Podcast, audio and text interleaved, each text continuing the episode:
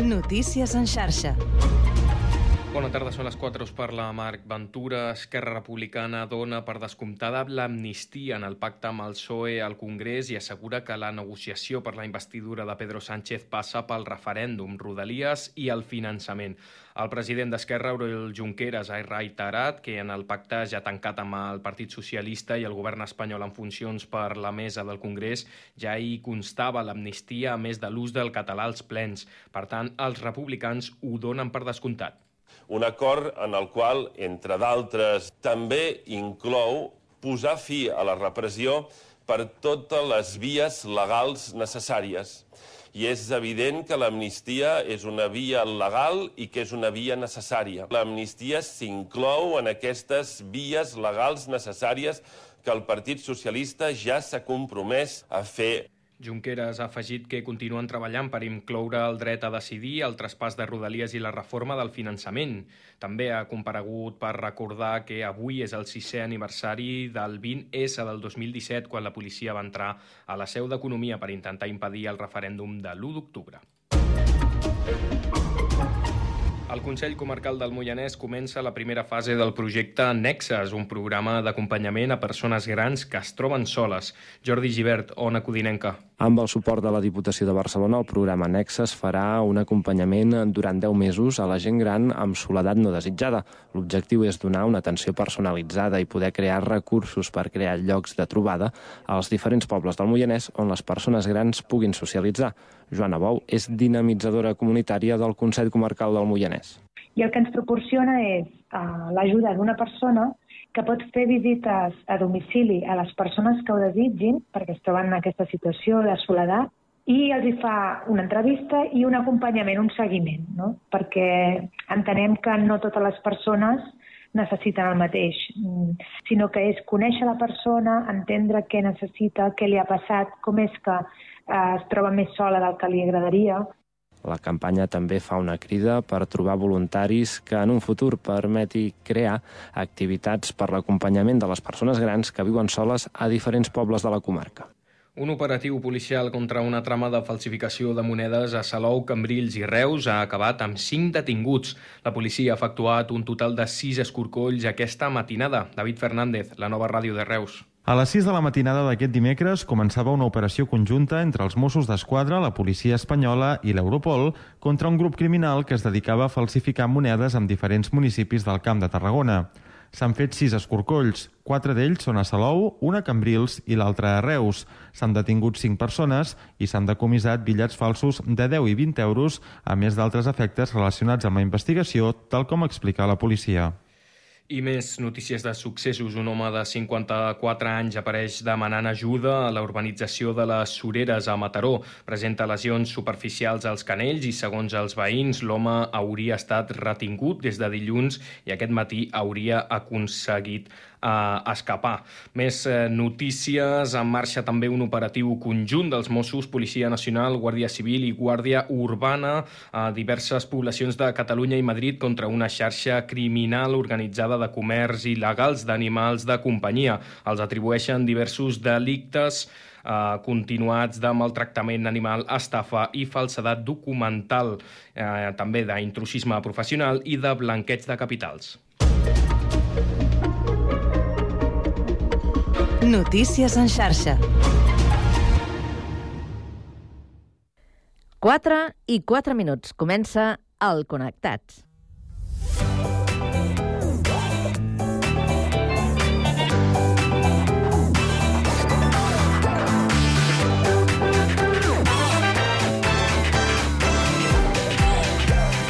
Connectats amb Carme Reversa.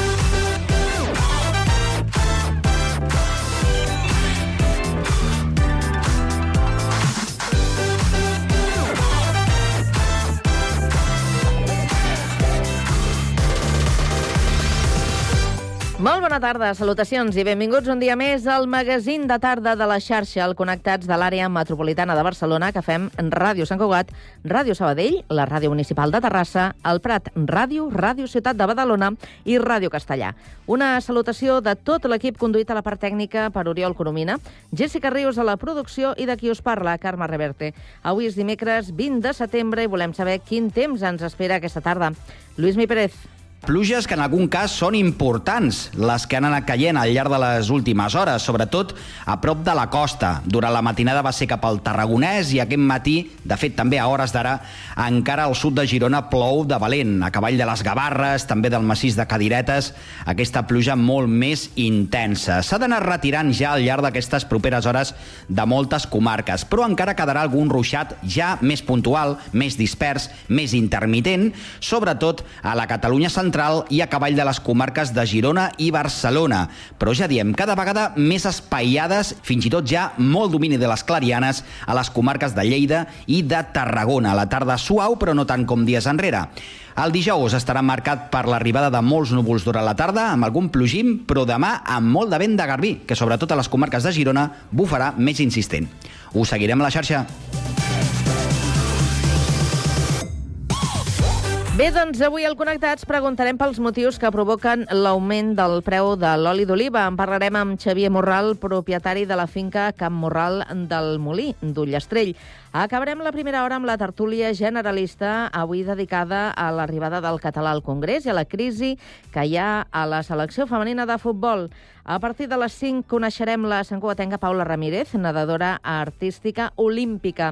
Continuarem amb gastronomia per descobrir una nova proposta a Castellà, en clau de vi. I acabarem amb un nou episodi del Coses d'Antes, amb Oriol Carreras i Sergi Estapé. Tot això i més des d'ara i fins a les 6 de la tarda a la vostra emissora local. Connectats? Comencem!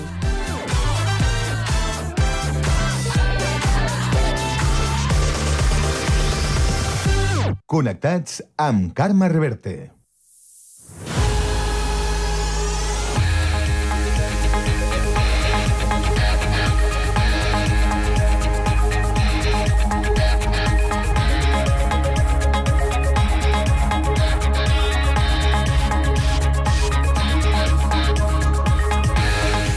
A les 4 i 7 minuts de la tarda és moment d'actualitzar-nos. Ho fem amb la ronda informativa que obrim un dia més per Terrassa. Sergi Estapé, bona tarda. Bona tarda. L'Ajuntament de Terrassa treballa per trobar la millor solució que garanteixi la continuïtat dels lloguers de més d'un centenar d'immobles a sis blocs de pisos del barri del Poble Nou. La regidora de Polítiques d'Habitatge, Lluïsa Melgares, es va reunir amb representants de les famílies que viuen als carrers Monistrol, Albacete i Ronda de Ponent d'aquest barri. Aquestes persones es van posar en contacte aquest estiu amb els responsables del consistori terrassenc per manifestar la preocupació per la seva situació habitacional. Els pisos en què viuen eren propietat de Sol Edificat Ponent Societat Limitada. Aquesta empresa va entrar en fallida i es van haver de subbastar. Una part important dels immobles, aproximadament la meitat, van ser adquirits per la Societat de Gestió d'Actius procedents de la reestructuració bancària Sareb. L'Ajuntament s'ha compromès a mediar per tal de buscar la millor manera de garantir la continuïtat en els pisos de totes les persones afectades. Gràcies, Sergi. Anem ara fins a la cocapital, la Sabadell. Pau Duran, bona tarda. Bona tarda. Les passeres metàl·liques del riu Ripoll, que s'estan substituint per unes de noves, tornaran a ser transitables cap a finals d'octubre. Així ho han confirmat fons de l'Agència Catalana de l'Aigua, que és qui executa els treballs a les dues estructures. La intervenció acabarà més tard del previst en un inici, ja que les obres haurien d'haver estat enllestides a la primavera. Les dues passeres afectades són les de Cal Grau i el Molí Fontanet, totes dues a l'alçada del barri de Torre Romeu. Són precisament els veïns de la zona els que han patit les conseqüències del seu tancament durant pràcticament 10 mesos. N'ha parlat Manuel Moya, president de l'Associació de Veïns del Barri. Lo hemos vivido bastante mal porque al principio eh, bueno, ya sabéis que tuvimos enfrentamiento con el ayuntamiento porque no querían hacer paso alternativo y al final tuvieron que hacer un paso alternativo. Después nos daban cuatro meses de, para hacer los, los puentes i després pues, s'ha ido alargando en el tiempo, s'ha ido alargando. Els treballs van començar al gener i tenen un pressupost superior al milió d'euros, finançat exclusivament per l'Agència Catalana de l'Aigua. Gràcies, Pau. Anem ara fins al litoral per saber què és notícia avui a Badalona. Andrea Romera, bona tarda. Bona tarda, Carme. L'Associació per la Promoció del Transport Públic suposa frontalment a la decisió del govern municipal d'aplicar una moratòria a l'entrada en vigor de la zona de baixes emissions a Badalona. Per això reclamen que es faci complir la llei a la ciutat i que s'activin les sancions a partir del 2024. La delegació de l'entitat al Barcelonès Nord qüestiona l'exactitud i l'origen de les dades utilitzades per l'alcalde sobre sobre els possibles veïns afectats per l'entrada en vigor de la zona de baixes emissions a la ciutat. En Carles Garcia és el representant de la plataforma, el Barcelonès Nord. Nosaltres, primer de tot, posem en, en qüestió d'on surten aquestes 40.000 persones, com s'han fet aquests càlculs per arribar aquí. Nosaltres no creiem que hi hagi una dada tan gran um, de, de tantes persones que estiguin uh, amb aquest problema. És per aquest motiu que l'entitat que promou el transport públic exigeix madura a la Generalitat i a l'Estat perquè obliguin a l'Ajuntament a aplicar la llei de zona de baixes emissions a la ciutat de Badalona. Gràcies, Andrea. Seguim al litoral. Ara des del Prat de Llobregat. Jonathan Marín, bona tarda. Bona tarda. Des de les 5 i fins a les 9 de la nit hi haurà una unitat mòbil del banc de sang i teixits al Prat, a la plaça de Catalunya, perquè la ciutadania pugui apropar-se per donar sang. Una campanya que torna a tenir una molt bona acollida, ja que s'han exhaurit totes les places. Pel que fa al tipus de sang que més es necessita, aquest és el zero negatiu, conegut com a donant universal. Les donacions previstes per avui a Catalunya són de 740 i es necessiten 1.100 al dia, segons el banc de sang i teixits. Recordem que per poder donar s'ha de ser major d'edat i passar més de 50 quilos. Gràcies, Jonathan. Tornem al Vallès. Ara des de Castellà. Guillem Plans, bona tarda. Àrea de transport públic a Castellà, la línia C1 que uneix Castellà amb Sabadell, coneguda com la Vallesana, comptarà amb dos nous vehicles que possibilitaran que en hores punta l'increment de la freqüència de pas passi a ser d'un bus cada 10 minuts, retallant-ne dos respecte ara. Serà a partir del 2 d'octubre. Una altra de les novetats destacades és que el servei s'iniciarà els dissabtes i els festius una hora abans, de manera que la primera expedició en sortir de Castellà-Sabadell serà a les 6 56 hores. A més, el servei regularitzarà el temps de recorregut de les expedicions per tal d'adaptar-les a la realitat i dotar-lo d'una major fiabilitat quan a la puntualitat en el compliment d'horaris previstos. Gràcies, Guillem. Abans de tancar aquesta ronda d'actualitat, sabem que és notícia avui a Sant Cugat. Jessica Rius, bona tarda. Bona tarda. Doncs la sèrie de Netflix del Cuerpo en Llamas, que narra el famós crim de la Guàrdia Urbana, ha comptat amb participació de Sant Cugat. El Sant Cugatenc Sergi Sobirà ha estat el coordinador d'acció de la sèrie i s'ha encarregat de dissenyar les escenes d'acció, assessorar i entrenar els actors i fins i tot fer d'especialista de conducció de vehicles policials. També hi ha participat, tot i que en menor mesura, la periodista santcugatenca Maria Ticas, que apareix com a figurant a un capítol de la sèrie interpretant el paper d'una reportera que entrevista un dels investigadors del cas. Sobirà ha explicat a Cugat Mèdia que, tot i no ser una sèrie amb grans escenes d'acció, els actors han precisat del seu suport per guanyar credibilitat a l'hora d'afrontar diversos moments de la trama. Jo m'encarrego exclusivament de la part d'acció i sóc l'encarregat de dissenyar les escenes, de preparar els actors, de portar els especialistes i, i en aquest projecte doncs, hi havia doncs, com petits blocs d'acció val? perquè no, com podeu saber a la sèrie no, no, és una, no és una sèrie repleta d'acció però sí que hi ha moments on, on es requereix no, de la meva figura. En el cas de l'Úrsula Corberó, que interpreta el paper de la Rosa Peral, el Sant Cugatenc va formar-la perquè aprengués a moure's com una policia i a desplaçar-se amb una arma. En el cas de Kim Gutiérrez, Albert López de la sèrie, Sobirà va entrenar-lo en MMA i va ensenyar-li les bases per fer creïble que el personatge practica habitualment aquest art marcial.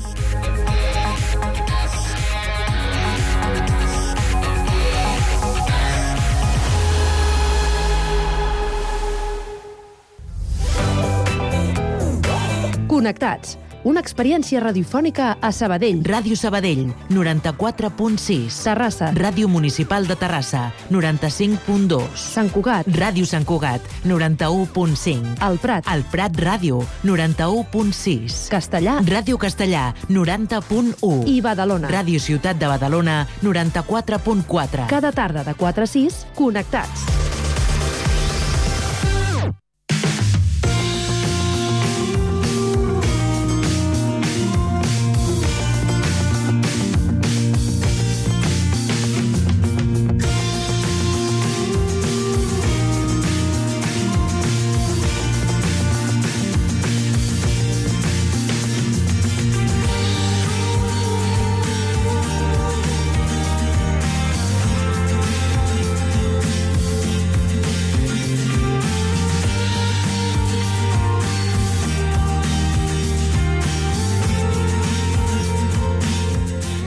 Les darreres setmanes el preu de l'oli d'oliva i les dificultats que estan patint els seus eh, productors han ocupat una bona part de les portades eh, de la premsa i també dels telenotícies.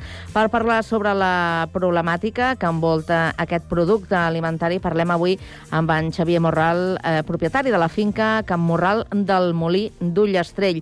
Xavier, bona tarda. Molt bona tarda. També saludem el company Sergi Estapé. Sergi, bona tarda.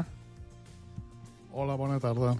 Bé, doncs, eh, Xavier, avui parlem eh, d'un tema que podríem dir que ja fa dies i fa setmanes que està en, en, en boca de, de tothom, sobretot de les persones que estan acostumades a anar a fer la, la compra de, de casa.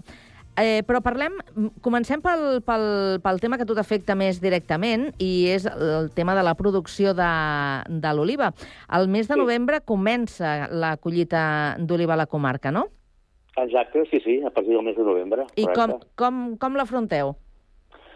Bueno, doncs com ja fa un parell d'anys, eh, mitges collites, perquè la sequera doncs, eh, ha minvat moltíssim la producció. No? Els arbres estan en un estrès, hídric i, clar, la producció no és la que, la que hauria de ser, evidentment. Estem parlant de, de quina quantitat, quina és la producció que vosaltres feu? Mira, nosaltres, eh, la nostra finca, les oliveres que tenim, totes són centenàries, per sort, i les tenim disseminades. Aleshores, també tinc que dir-te que no és el mateix una olivera, és a dir, un arbre doncs, centenari de dos o 300 anys, mm. que doncs, un, una, un cap d'oliveres que, sé, que sigui realment jove, doncs, que tingui, jo que sé, doncs, 10 o 15 anys. Per tant, la sequera mm, la suporten més, les arrels són més profundes, i aleshores mm, la producció doncs, és, és mitjaneta, vull dir, ara ens, ens, ens, ens en sortit, diguéssim, gràcies a aquestes tipus d'oliveres tan, tan antigues o tan velles, diguéssim. Mm -hmm. I sí. la distribució que feu amb l'oli que vosaltres eh, produïu, a on, mm. a on es fa aquesta distribució? A on arriba el vostre oli? Mira, clar, nosaltres tampoc som una, una gran finca productora, però el que fem eh, l'embotellem tot, tot està embotellat, i el distribuïm doncs, en restaurants i en botigues especialitzades. De la zona? De la comarca? De la comarca, bàsicament, i Barcelona. Pensa que aquesta oliva, aquestes olives són una varietat que en diuen la Bazzaruda, sí. que, és, que és una varietat autòctona del Vallès Occidental, a Baix Llobregat i, i a l'Alt Penedès, i que sàpiga jo no se'n troba lloc més, i doncs res, fa molt pocs anys doncs, els grans restauradors van descobrir que aquest oli per menjar amb cru doncs és, és d'un sabor extraordinari, excel·lent, per poder menjar doncs, amanides, amb, amb, amb allò amb un plat que te'l posen amb un raig d'oli, un pa de, de, de llarga fermentació. Exacte. Del, del gran sabor que té. Sí, sí. sí, sí. Home, jo t'he de dir que aquesta l'he provat perquè precisament l'any passat, quan vau fer la fira de, de l'oli, doncs vaig sí. tenir l'oportunitat de, de poder comprar aquesta varietat, sí senyor. Sí, sí, sí, sí, no, i és, és el que tu comentaves, un oli que s'ha de consumir en, en cru, per amanides, sí. per menjar amb una sí. mica de pa, i que és, és exquisit. Eh, deixa'm que et pregunti també pel tema de, de la producció, ja que, que abans en parlàvem. Eh, sí. La producció eh, ha baixat i les previsions són que vagi eh, a menys? És a dir, continuarà baixant la producció? Bueno, això no podem saber-ho, perquè, jo què sé, millor això és aquest clima cíclic i d'aquí ja fa dos o tres anys que comença a tor tornar a ploure, no ho sé jo. Però de moment, els dos últims anys, els dos últims anys, doncs eh, la producció ha baixat, sí, sí, sí. Ara, eh, puc dir-te que nosaltres tenim una collita que en diem, doncs, mitja collita, per dir-ho d'alguna manera. I ara en quilos tampoc no puc dir-te perquè no sé el que sortiran, però alguna farem, evidentment que sí, i, i tothom va estar pendent, i nosaltres també amb ganes de començar a collir, portar-lo a elaborar i començar a comercialitzar l'altra vegada, perquè ja fa 3 o 4 mesos que ja no en tenim, i clar, ja no n'hi ha. Ja. Hem vengut tot. I Xavier, quin, quin és el procés? Feu la collita i després quan, quan temps triga en, que, en convertiu en oli? Bueno, eh, el secret, el secret, de, el secret és collir l'oliva i les 24 hores és portar-lo al molí, ja, perquè l'oliva és com un fruit, que no, pot, no es pot malmetre, s'oxida, i llavors és quan eh, agafa mals gustos. Passa, clar, això és difícil. Llavors el que nosaltres fem som, és, és collir el més aviat possible amb el màxim de gent, un cop tenim la, la, la, un mínim de, de, de producció, com pot ser mínim 500 quilos, portar-lo l'endemà o 24, màxim 48 hores, a l'almassara, diguéssim, al molí d'oli, i elaborar-lo i ja directament a la mateixa eh, el mateix molí d'oli ja té una maquinària que ja l'envasem directament, així no se l'oxida i, i, i, i no perd cap qualitat de, de, de la que té aquest oli. Ah, no parlo en el teu cas, eh? És el procés. No, dic, dic, sí, sí, dic que no parlo, parlo en general que el preu de l'oli del litre d'oli d'oliva verge l'any 2020 estava més o menys als 2,10 euros, 2002 ja fregava els 4, ara estem ja passant... Això té aturador o... o... Mira, eh, ha passat el següent. És veritat que la producció ha baixat, o baixarà. D'oli d'oliva n'hi ha i n'hi haurà. A l'altra banda també és, és que nosaltres també el, el, ens fem mal nosaltres mateixos. El, el, el fer córrer aquesta veu de ha oli d'oliva, què ha fet la gent? Pues ha anat corrents a, a carregar d'oli no? als supermercats i tot arreu. I això què fa? Doncs que fa una, un, un excés de demanda i tu saps que estem en un mercat lliure, doncs l'excés de demanda que fa pujar preus. Però d'oli d'oliva n'hi ha i n'hi haurà. Però eh, un... deixa'm preguntar-te una cosa. Preu. Eh, Xavier, eh, això no. també és conseqüència de, o sigui, mm, l'estat espanyol, l'estat espanyol és un productor d'oli d'oliva que, que, que tots coneixem. Sí. Eh, el que passa és que no s'exporta més que no eh, ens quedem aquí? no sabria dir-t'ho, jo tampoc aquestes, jo aquestes dades no els sé, perquè són, són macro, macroeconòmiques. Mm, tot va en funció de l'oferta i de demanda.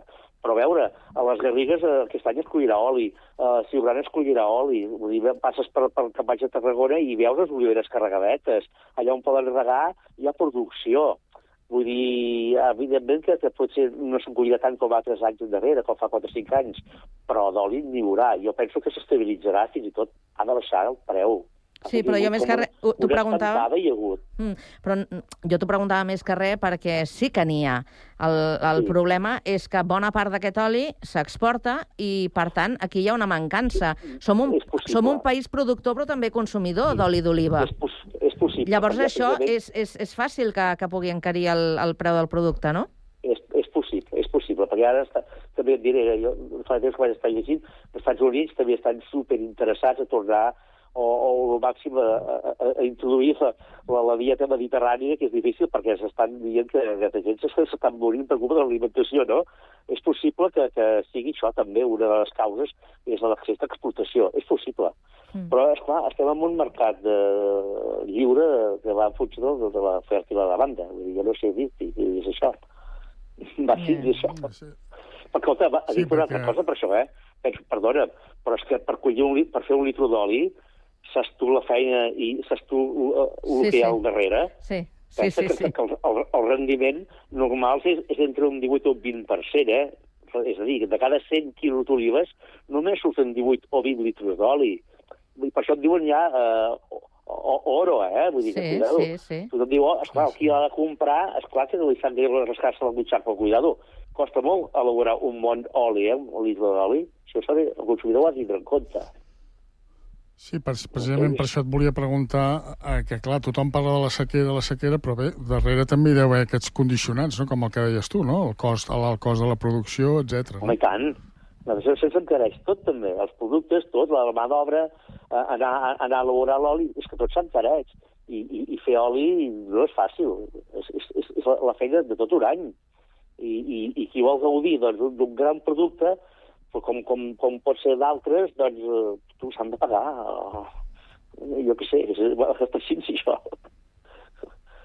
És així. Mm -hmm. abans, sí. abans parlaves de que, de que els preus es poden estabilitzar. O que, eh, eh, jo no sé, jo recordo arran de la guerra d'Ucraïna que es van a pujar molt, sobretot el preu sí. de l'oli de, de girassol, però ara més o menys sí. ha tornat a recuperar una mica els preus d'abans. Això Exacte. pot passar, no?, amb el d'oliva jo penso que quan arribi la campanya eh, es, pot, es pot baixar, clar, home, que hi haurà més competència, els, les cooperatives de, han de vendre el seu oli i una per l'altra pues, s'estabilitzarà. Jo penso que, que, que potser baixarà i tot, fins i tot. Sí, home, sí, no ens espantem.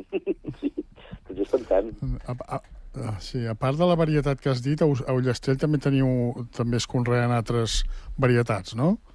Bueno, es, es, va, es va posar de moda la famosa arbequina, que no és, no és autòctona d'aquí, però es va popularitzar molt, que és un gran oli, però clar, l'arlequina no, és, no és autòctona, l'arlequina és d'Aurès, doncs de Reca, del cantó de, de, de Lleida, on les, les, les, les temperatures són més altes, hi ha menys humitat, i aquí l'arlequina costa més adaptar-se, però també n'hi ha, evidentment. Però ara el que estem fent, promocionant moltíssim nosaltres, és, és la varietat autòctona d'aquí, que és la caruda, que està ja uh -huh. eh, adaptada al territori, i, i ens hem donat compte que farà un oli extraordinari. Sí. Mm, també, també us perjudiquen els senglars, no?, eh, segons he pogut llegir. Sí, a l'olivera jove sí, l'olivera també jove, que és més baixeta, doncs el senglar la, la, la trenca, però en canvi el cas nostre, que totes les que tenim són centenàries, que són oliveres que poden fer entre 2 i 300 quilos cada olivera, són altes, grosses, mm, ja no és tan perjudicat.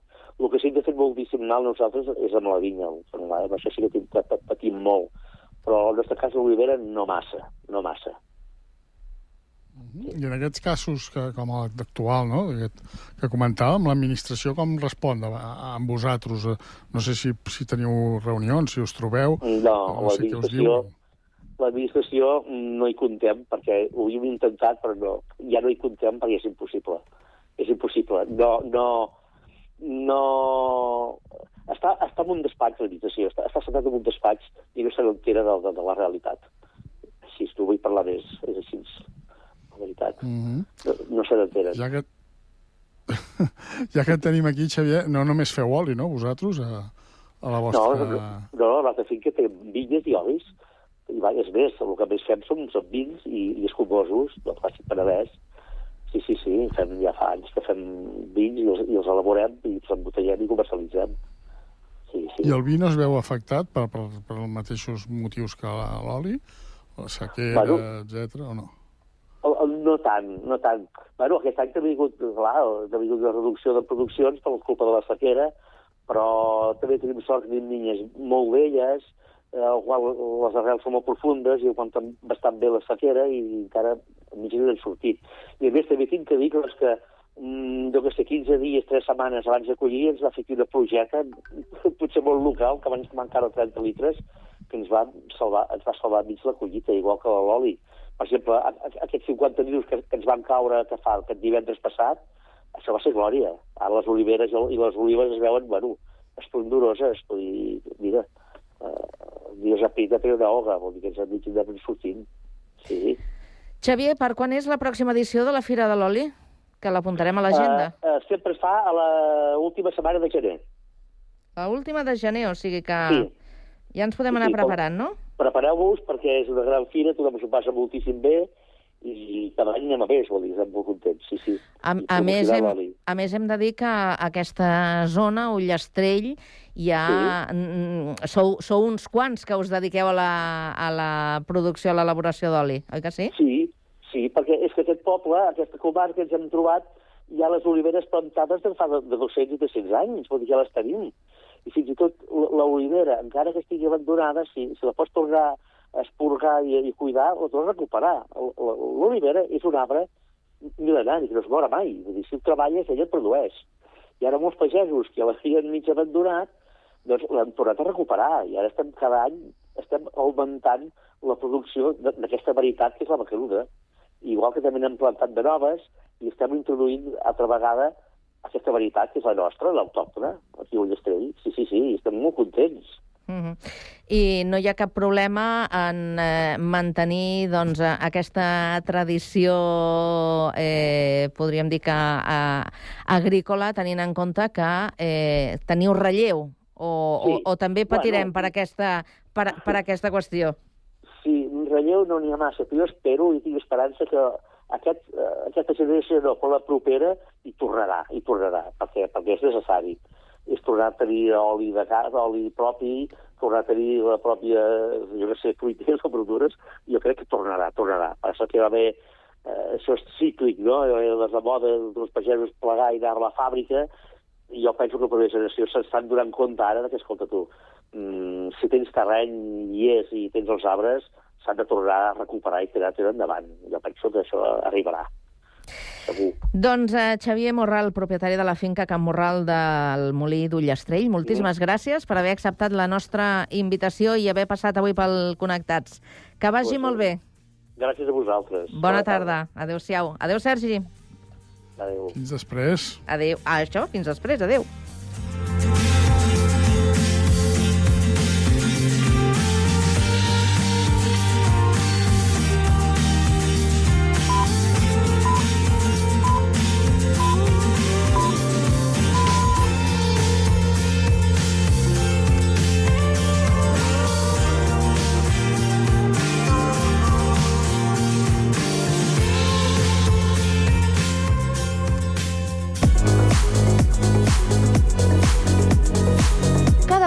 946 Connectats. Una experiència radiofònica a Sabadell, Terrassa, Sant Cugat, Castellà, El Prat i Badalona.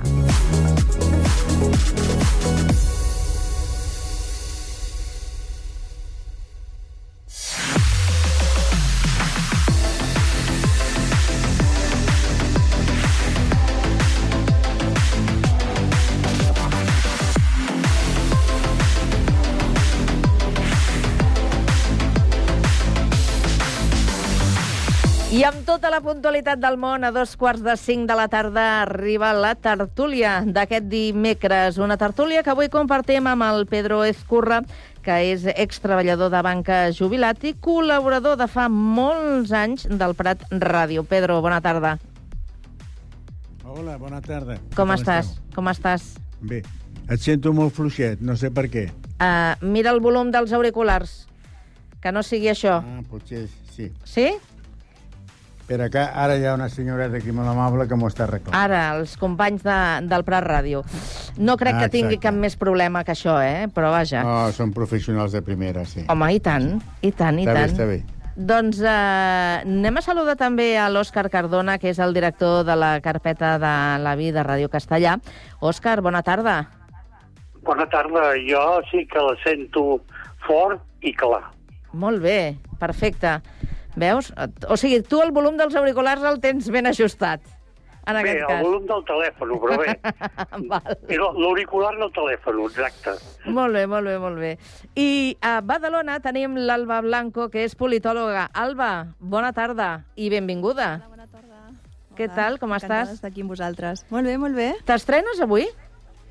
Doncs ja havia participat amb vosaltres fa un temps enrere, però ara feia com un any aproximadament que, que no venia al Connectats Val, val, i encantada de, de tornar. Doncs escolta, ben tornada, ben tornada. Moltes gràcies. I avui tenim un parell de temes eh, que ja els hem eh, tractat en la primera setmana de, de programa, però són temes de- d'actualitat que continuen eh, donant què parlar i, per tant, sí que m'agradaria compartir eh, aquest debat eh, amb vosaltres.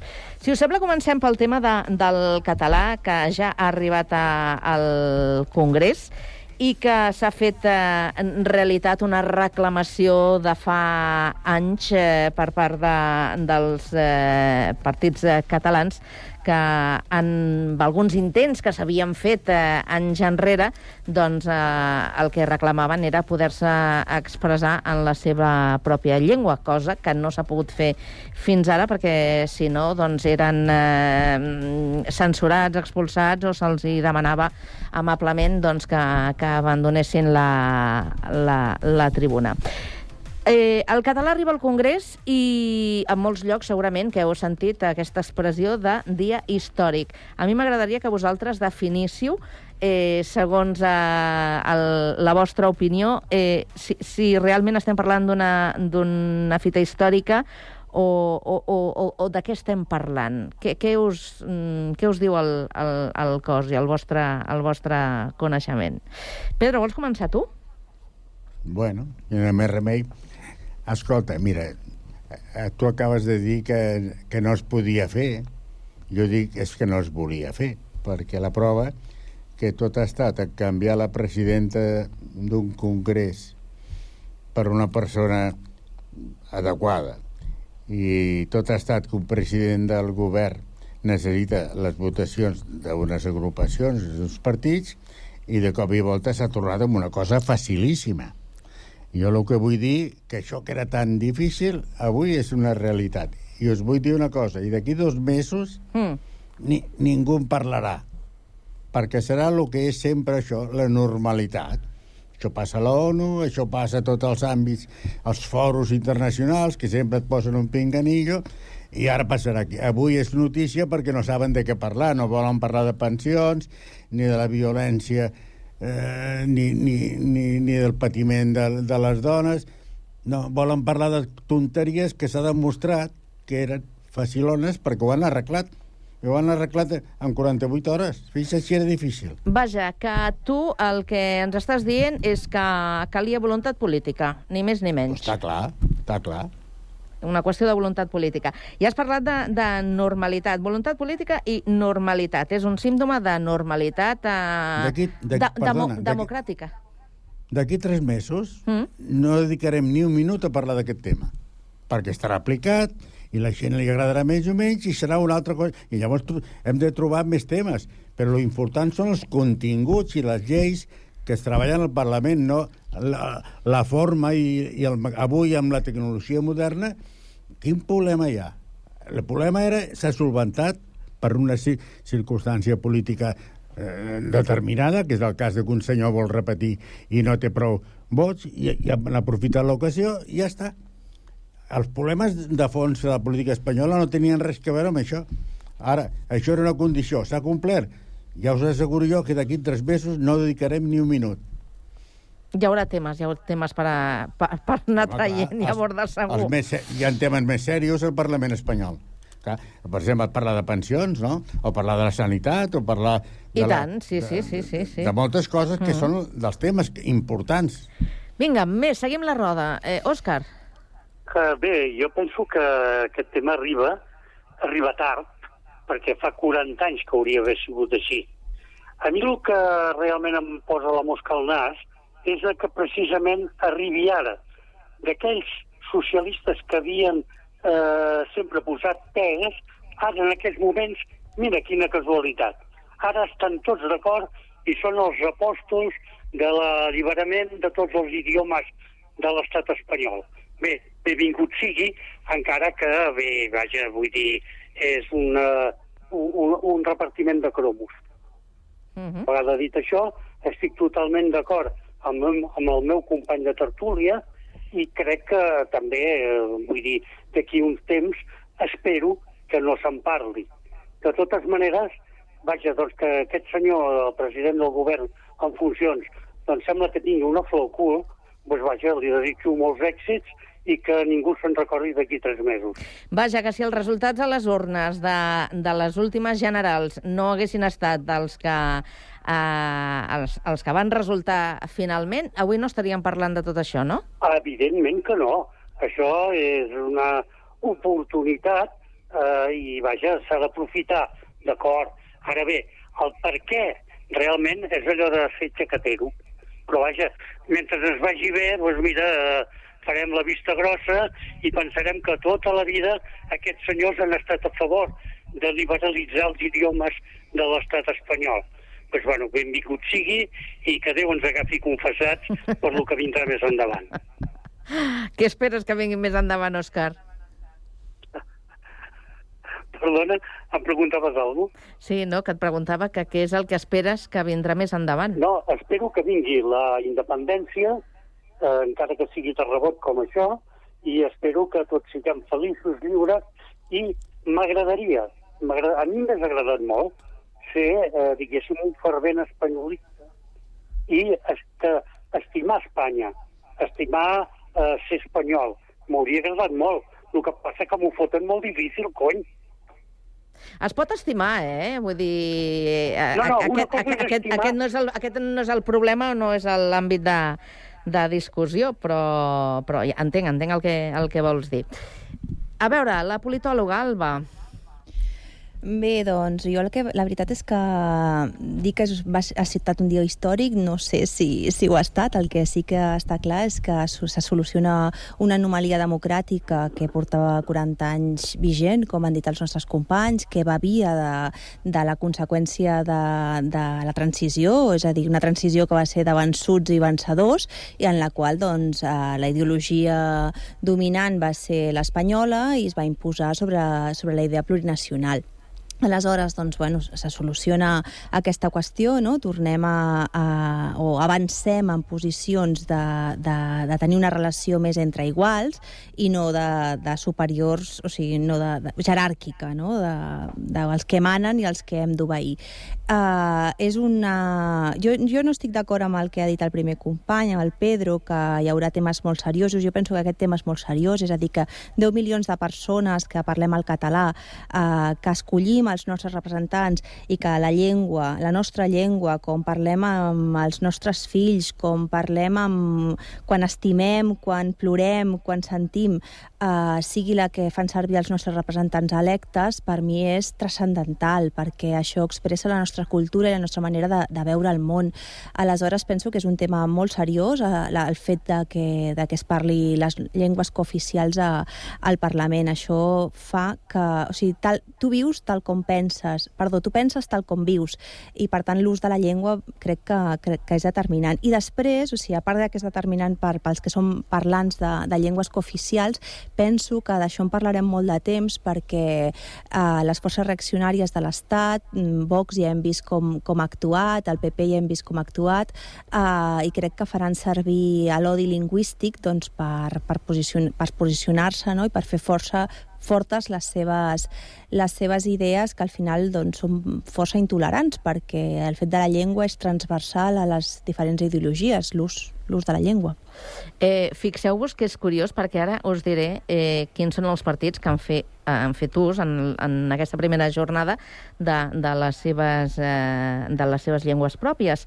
Esquerra, Junts i BNG, i BNG han fet servir el català i el gallec. En canvi, el PNB i Bildu han fet servir l'eusquera i el castellà. Què interpreteu d'això? Bueno, Home, és, jo, és jo, si em permeteu... Vinga, Pedro jo... i Alba, Pedro i Alba. Pedro.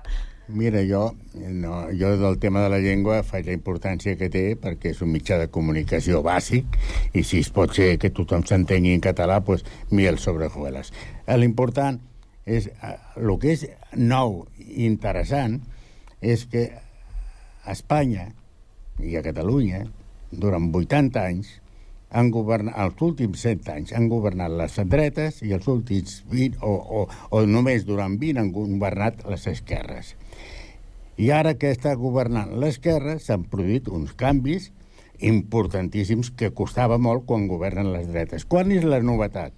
És que dos partits catalans, o un partit català i un partit bas de dretes, eh, s'ha juntat amb les esquerres. I aquesta és la novetat que jo confio que duri molt, perquè sóc un home d'esquerres, però no ens enganyem. El PNB és de dretes, Junt és de dretes, catalana, i a Catalunya també hi han dretes. Es parli en català, es parli en espanyol, és igual. I ara el que està en lluita és si l'esquerra podrà aconseguir uns tres anyets més perquè el que és cert que Espanya i Catalunya sempre guanya la dreta. I aquí, a partir d'aquí tot l'altre és accessori. Alba. A veure, jo penso que, que el fet de que, de que les forces d'esquerres o progressistes sumin més que les reaccionàries és claríssimament el, el motiu pel qual eh, l'ús de les llengües cooficials doncs, s'ha doncs, fet efectiu al, al Congreso però també és necessari eh, destacar la ingent feina que han fet la societat civil durant moltíssims anys, plataformes com Òmnium o Plataforma per la, per la Llengua, que han treballat moltíssim doncs, per, per la normalització de l'ús de català, del català en tots els àmbits de la, de la nostra quotidianitat, no? I pel que de, preguntaves abans de, de l'ús de la llengua del castellà i l'eusquera, és mm. normal perquè el fet de no tenir una arrel llatina fa que sigui més difícil d'entendre de, pels, pels parlants també de la llengua, només de la llengua castellana, no? Aleshores, jo entenc que, que els diputats de Bildu i del PNB han fet servir les dues llengües per poder expressar mm, bueno, d'una manera doncs, més entenedora. Um, però insisteixo, eh, crec crec que, que no només han sigut els, els partits nacionalistes eh, dels diferents territoris de l'Estat els que s'han expressat en les seves llengües autòctones, sinó que crec que el portaveu del PP també ha fet servir el basc per sí. parlar des de l'atril. Sí, sí, que ha estat una mica controvertit, no?, perquè s'han fet interpretacions. Però sí, sí, Però és que la llengua Bé, no és jo- ideològica, la llengua és cultural. Sí. Jo crec que la, vaja, la llibertat està en poder escollir i que cada ús pugui expressar amb la llengua que cregui que, que s'expressa millor. Per exemple, jo també m'expresso millor en català que en castellà. Per tant, per què m'he d'imposar en el Congrés dels Diputats una llengua que no és la meva? Ara bé, si un basc s'expressa millor en castellà i ell escull això, doncs bueno, que faci el que vulgui, faltaria més. Com el que fem cada un a casa nostra, si uns parlen en català, els altres parlen en castellà, els altres parlen en basc. Eh, vaja, vull dir que, que eh, precisament això, la llibertat, està en poder escollir. Uh -huh. eh, si bé la presència del català, el gallec i l'eusquera, a banda mm, d'altres eh, més minoritàries que també es podran fer servir, però que no tindran el servei de, de traducció, que s'hauran de traduir ells eh, eh, mm, directament, eh, aquí diríem que ha estat fàcil, com deia abans el Pedro, fàcil en el sentit que no s'han posat d'acord i hi ha hagut voluntat i, i s'ha fet. En el cas de- d'Europa, de, eh, de moment les coses van una mica més a poc a poc. S'ha ajornat l'oficialitat de, de l'ús del, del català i aquí no sé si veieu vosaltres més dificultats i si penseu doncs, que, escolta, que la petició eh, eh, s'ho mereix, que, que, que, que està en el seu dret el poble català de reclamar eh, l'oficialitat de- d'aquesta llengua al Parlament Jo Europeu. crec que sí. Jo crec que és interessant que a Europa també es parli doncs, diferents llengües, ja s'està parlant, lògicament, i crec que si nosaltres som 10 milions de persones que parlem en català, crec que, vaja, hi ha llengües en el Parlament que són minoritàries en quant a número de persones que parlen una determinada llengua. Per tant, el que si haguessin llengües com el català, l'eusquera i el gallec, a mi em sembla una cosa de normalitat dintre de que és un Parlament Europeu i doncs que es parlen diferents llengües a cada poble, doncs integrar-les jo crec que no és, no és una barbaritat. És una qüestió de voluntat política, de res més, També en aquest cas. també. Sí, sí. Sí, i, de, Potser més i jo complicat. insisteixo... Potser més complicat aconseguir-ho. No dic que no, mm. però, vaja, mm, perquè no es pot aconseguir. Alba. Perdó, jo deia que insisteixo en que és la ideo- ideologització de la llengua eh, que sorprèn, perquè un país com Finlàndia, on el finès el parlen 5 milions de persones, que suposi eh, a que un idioma com el català, que el parlem 10 milions, eh, no pugui fer no pugui fer-se servir la Unió Europea, doncs és, és curiós. I sobretot de posar aquesta excusa barruera de que, clar, costarà molts diners eh, haver de traduir, eh, o sigui, convertir les llengües cooficials de l'estat espanyol en llengües oficials de la Unió Europea, quan recordem que cada mes tot el Parlament Europeu es trasllada una setmana sencera a Estrasburg, que això mm, és un lujo asiàtico, costa milions d'euros fer, fer aquest trasllat, i bueno, el fet de, de, impos, o sigui, de posar traductors en català eh, al Parlament, el cost seria molt menor. Per tant, és una excusa fruit d'aquesta ideologització de, de la llengua. Eh, governen partits eh, conservadors, aquests a Finlàndia i a Suècia, i aquesta és la conseqüència. Pedro. Pues nada, yo sigo con lo mío. Val. que, que avui Europa és de dretes, no?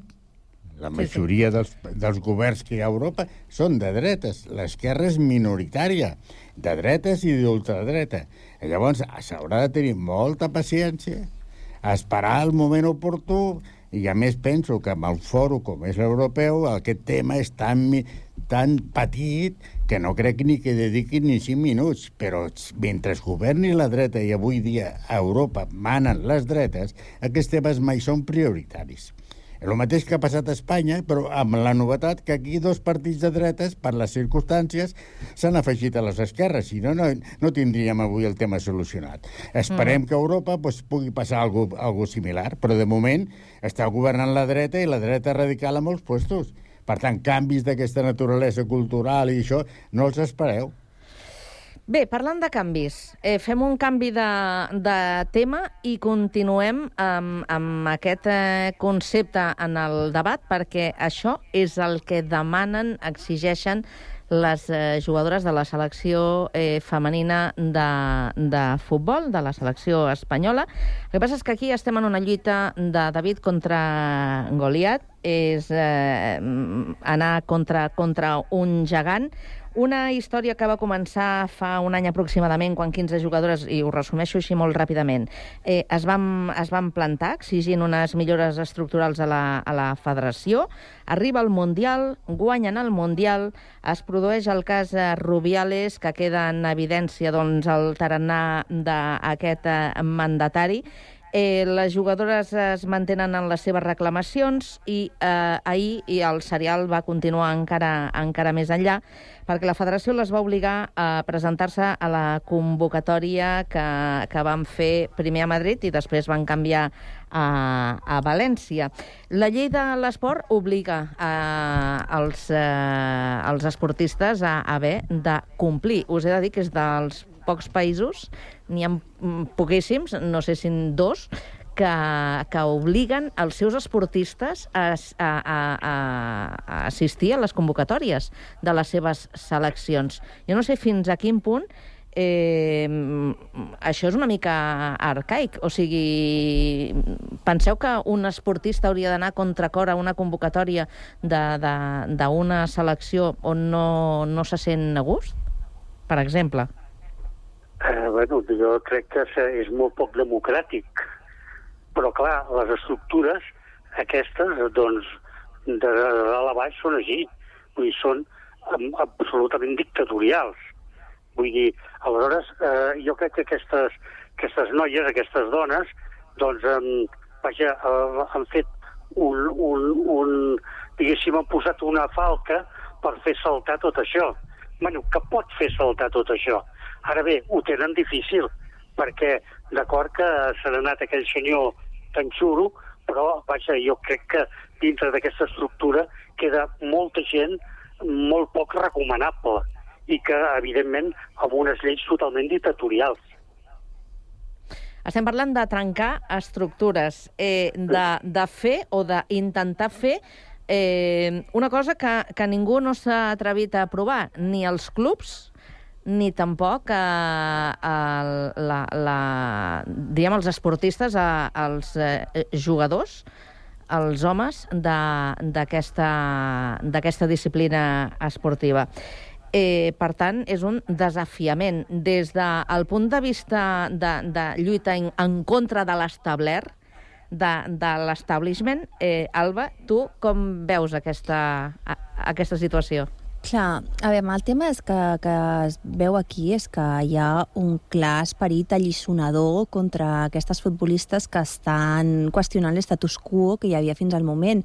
Uh, jo la veritat que no sé gaire de futbol perquè, com sabeu, a Badalona som de bàsquet, però realment quan llegeixes una mica de titulars veus que, que, bueno, que, és, que és molt abusiu uh, la diferència de salaris. Quan està reconegut a la Carta de Nacions Unides com homes i dones hem de cobrar el mateix per la, per la mateixa feina, és un principi bàsic de la OIT, de l'Organització Internacional del Treball, uh, que les tinguin així d'infantilitzades, no? que intentin dividir les seves posicions quan les, quan les futbolistes doncs, estan lluitant de manera cohesionada per canviar qüestions que tots podríem estar d'acord, que són injustes molt injustes. No no és just que, que si acaben de guanyar un Mundial tinguin salaris més, baix, més baixos que els futbolistes homes, que no és just que si no volen participar d'una competició uh, una, de, de, la, de la selecció, doncs se les obligui, si no se les amenaci amb sancions quan es veu que els, els homes que,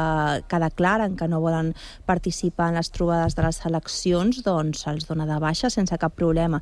Així que claríssimament aquestes noies han fet un, un aquestes dones han fet un desafiament cap a l'estatus quo, cap a la manera injusta de funcionar. Tenen un gran recolzament social, recordem això, això ha sigut molt important, el recolzament feminista i el recolzament de totes les dones i dels homes també que volen canviar aquesta manera de funcionar i des, de, doncs, des del poder i des de les estructures més tradicionals com pot, ser la RFEF doncs se les vol alliçonar i que se sàpiga que si qüestiones l'estatus quo doncs pots tenir conseqüències. Una d'elles és, és acabar amb la teva carrera futbolística, que recordem que els esportistes doncs, és supercurta la seva carrera. Així que, que l'amenaça és ben gruixuda i xapó per aquestes dones que estan lluitant eh, contra viento i marea. Molt bé, la veritat. Mm. Pedro.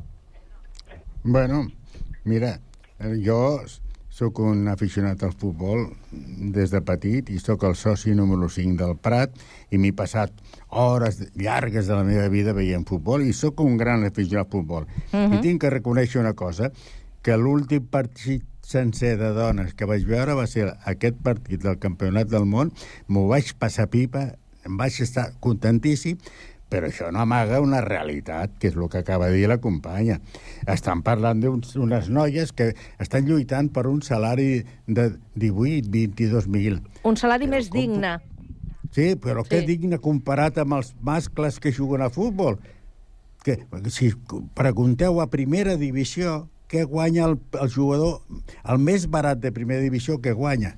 I llavors, a partir d'aquesta realitat, les dones tenen tota la raó, però com que ha anat tan de pressa, hi ha algun jugador de primera que hagi obert la boca? Sembla aquell noi de... de, de no, ningú ha obert la boca perquè està podrit aquest món. El món del futbol està podrit, eh, hi ha molts milionaris, hi ha molta gent que lluita per pagar la hipoteca que, es diuen professionals i van justets, i ara, dimonis, apareixen les noies que, a més, queden campiones del món. S'han apressurat, han fet un desastre que és guanyar el campionat del món. I s'han trobat que les estructures les tractava subordinades, com si fossin una cosa, una cosa pels turistes. Ja, el mal que han fet aquestes noies és guanyar el campionat del món. I ara han enfrontat la realitat elles lluiten per lo que els hi toca, si són jugadors de primera, doncs coi, que, que guanyin el mateix que guanya un jugador de primera, i us asseguro que ningú guanya 20.000 euros a, a l'any. Aquí, tan... aquí hi hauria un altre debat, eh, que és que generen uns i que generen la, eh, la, bueno, les altres, però que, bueno, que però és un debat cosa... que, que, es, que es pot fer Clar. tranquil·lament. El que passa això és... que les directius, però les noies tenen raó, però no, que no vagin tan de pressa, perquè l'error va ser fer aquest partit. Ho hem, ho hem de deixar ara... aquí, ho hem de deixar aquí. No ens queda més temps, us ho agraeixo moltíssim. Acabeu de passar molt bona tarda als tres. Gràcies. Gràcies a vosaltres. Moltes gràcies. Bona tarda.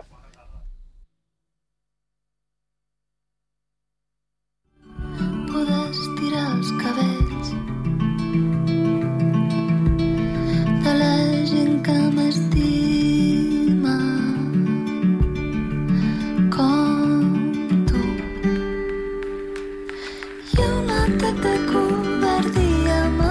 a dir mentides que no tenen cap sentit, no se les creu ningú.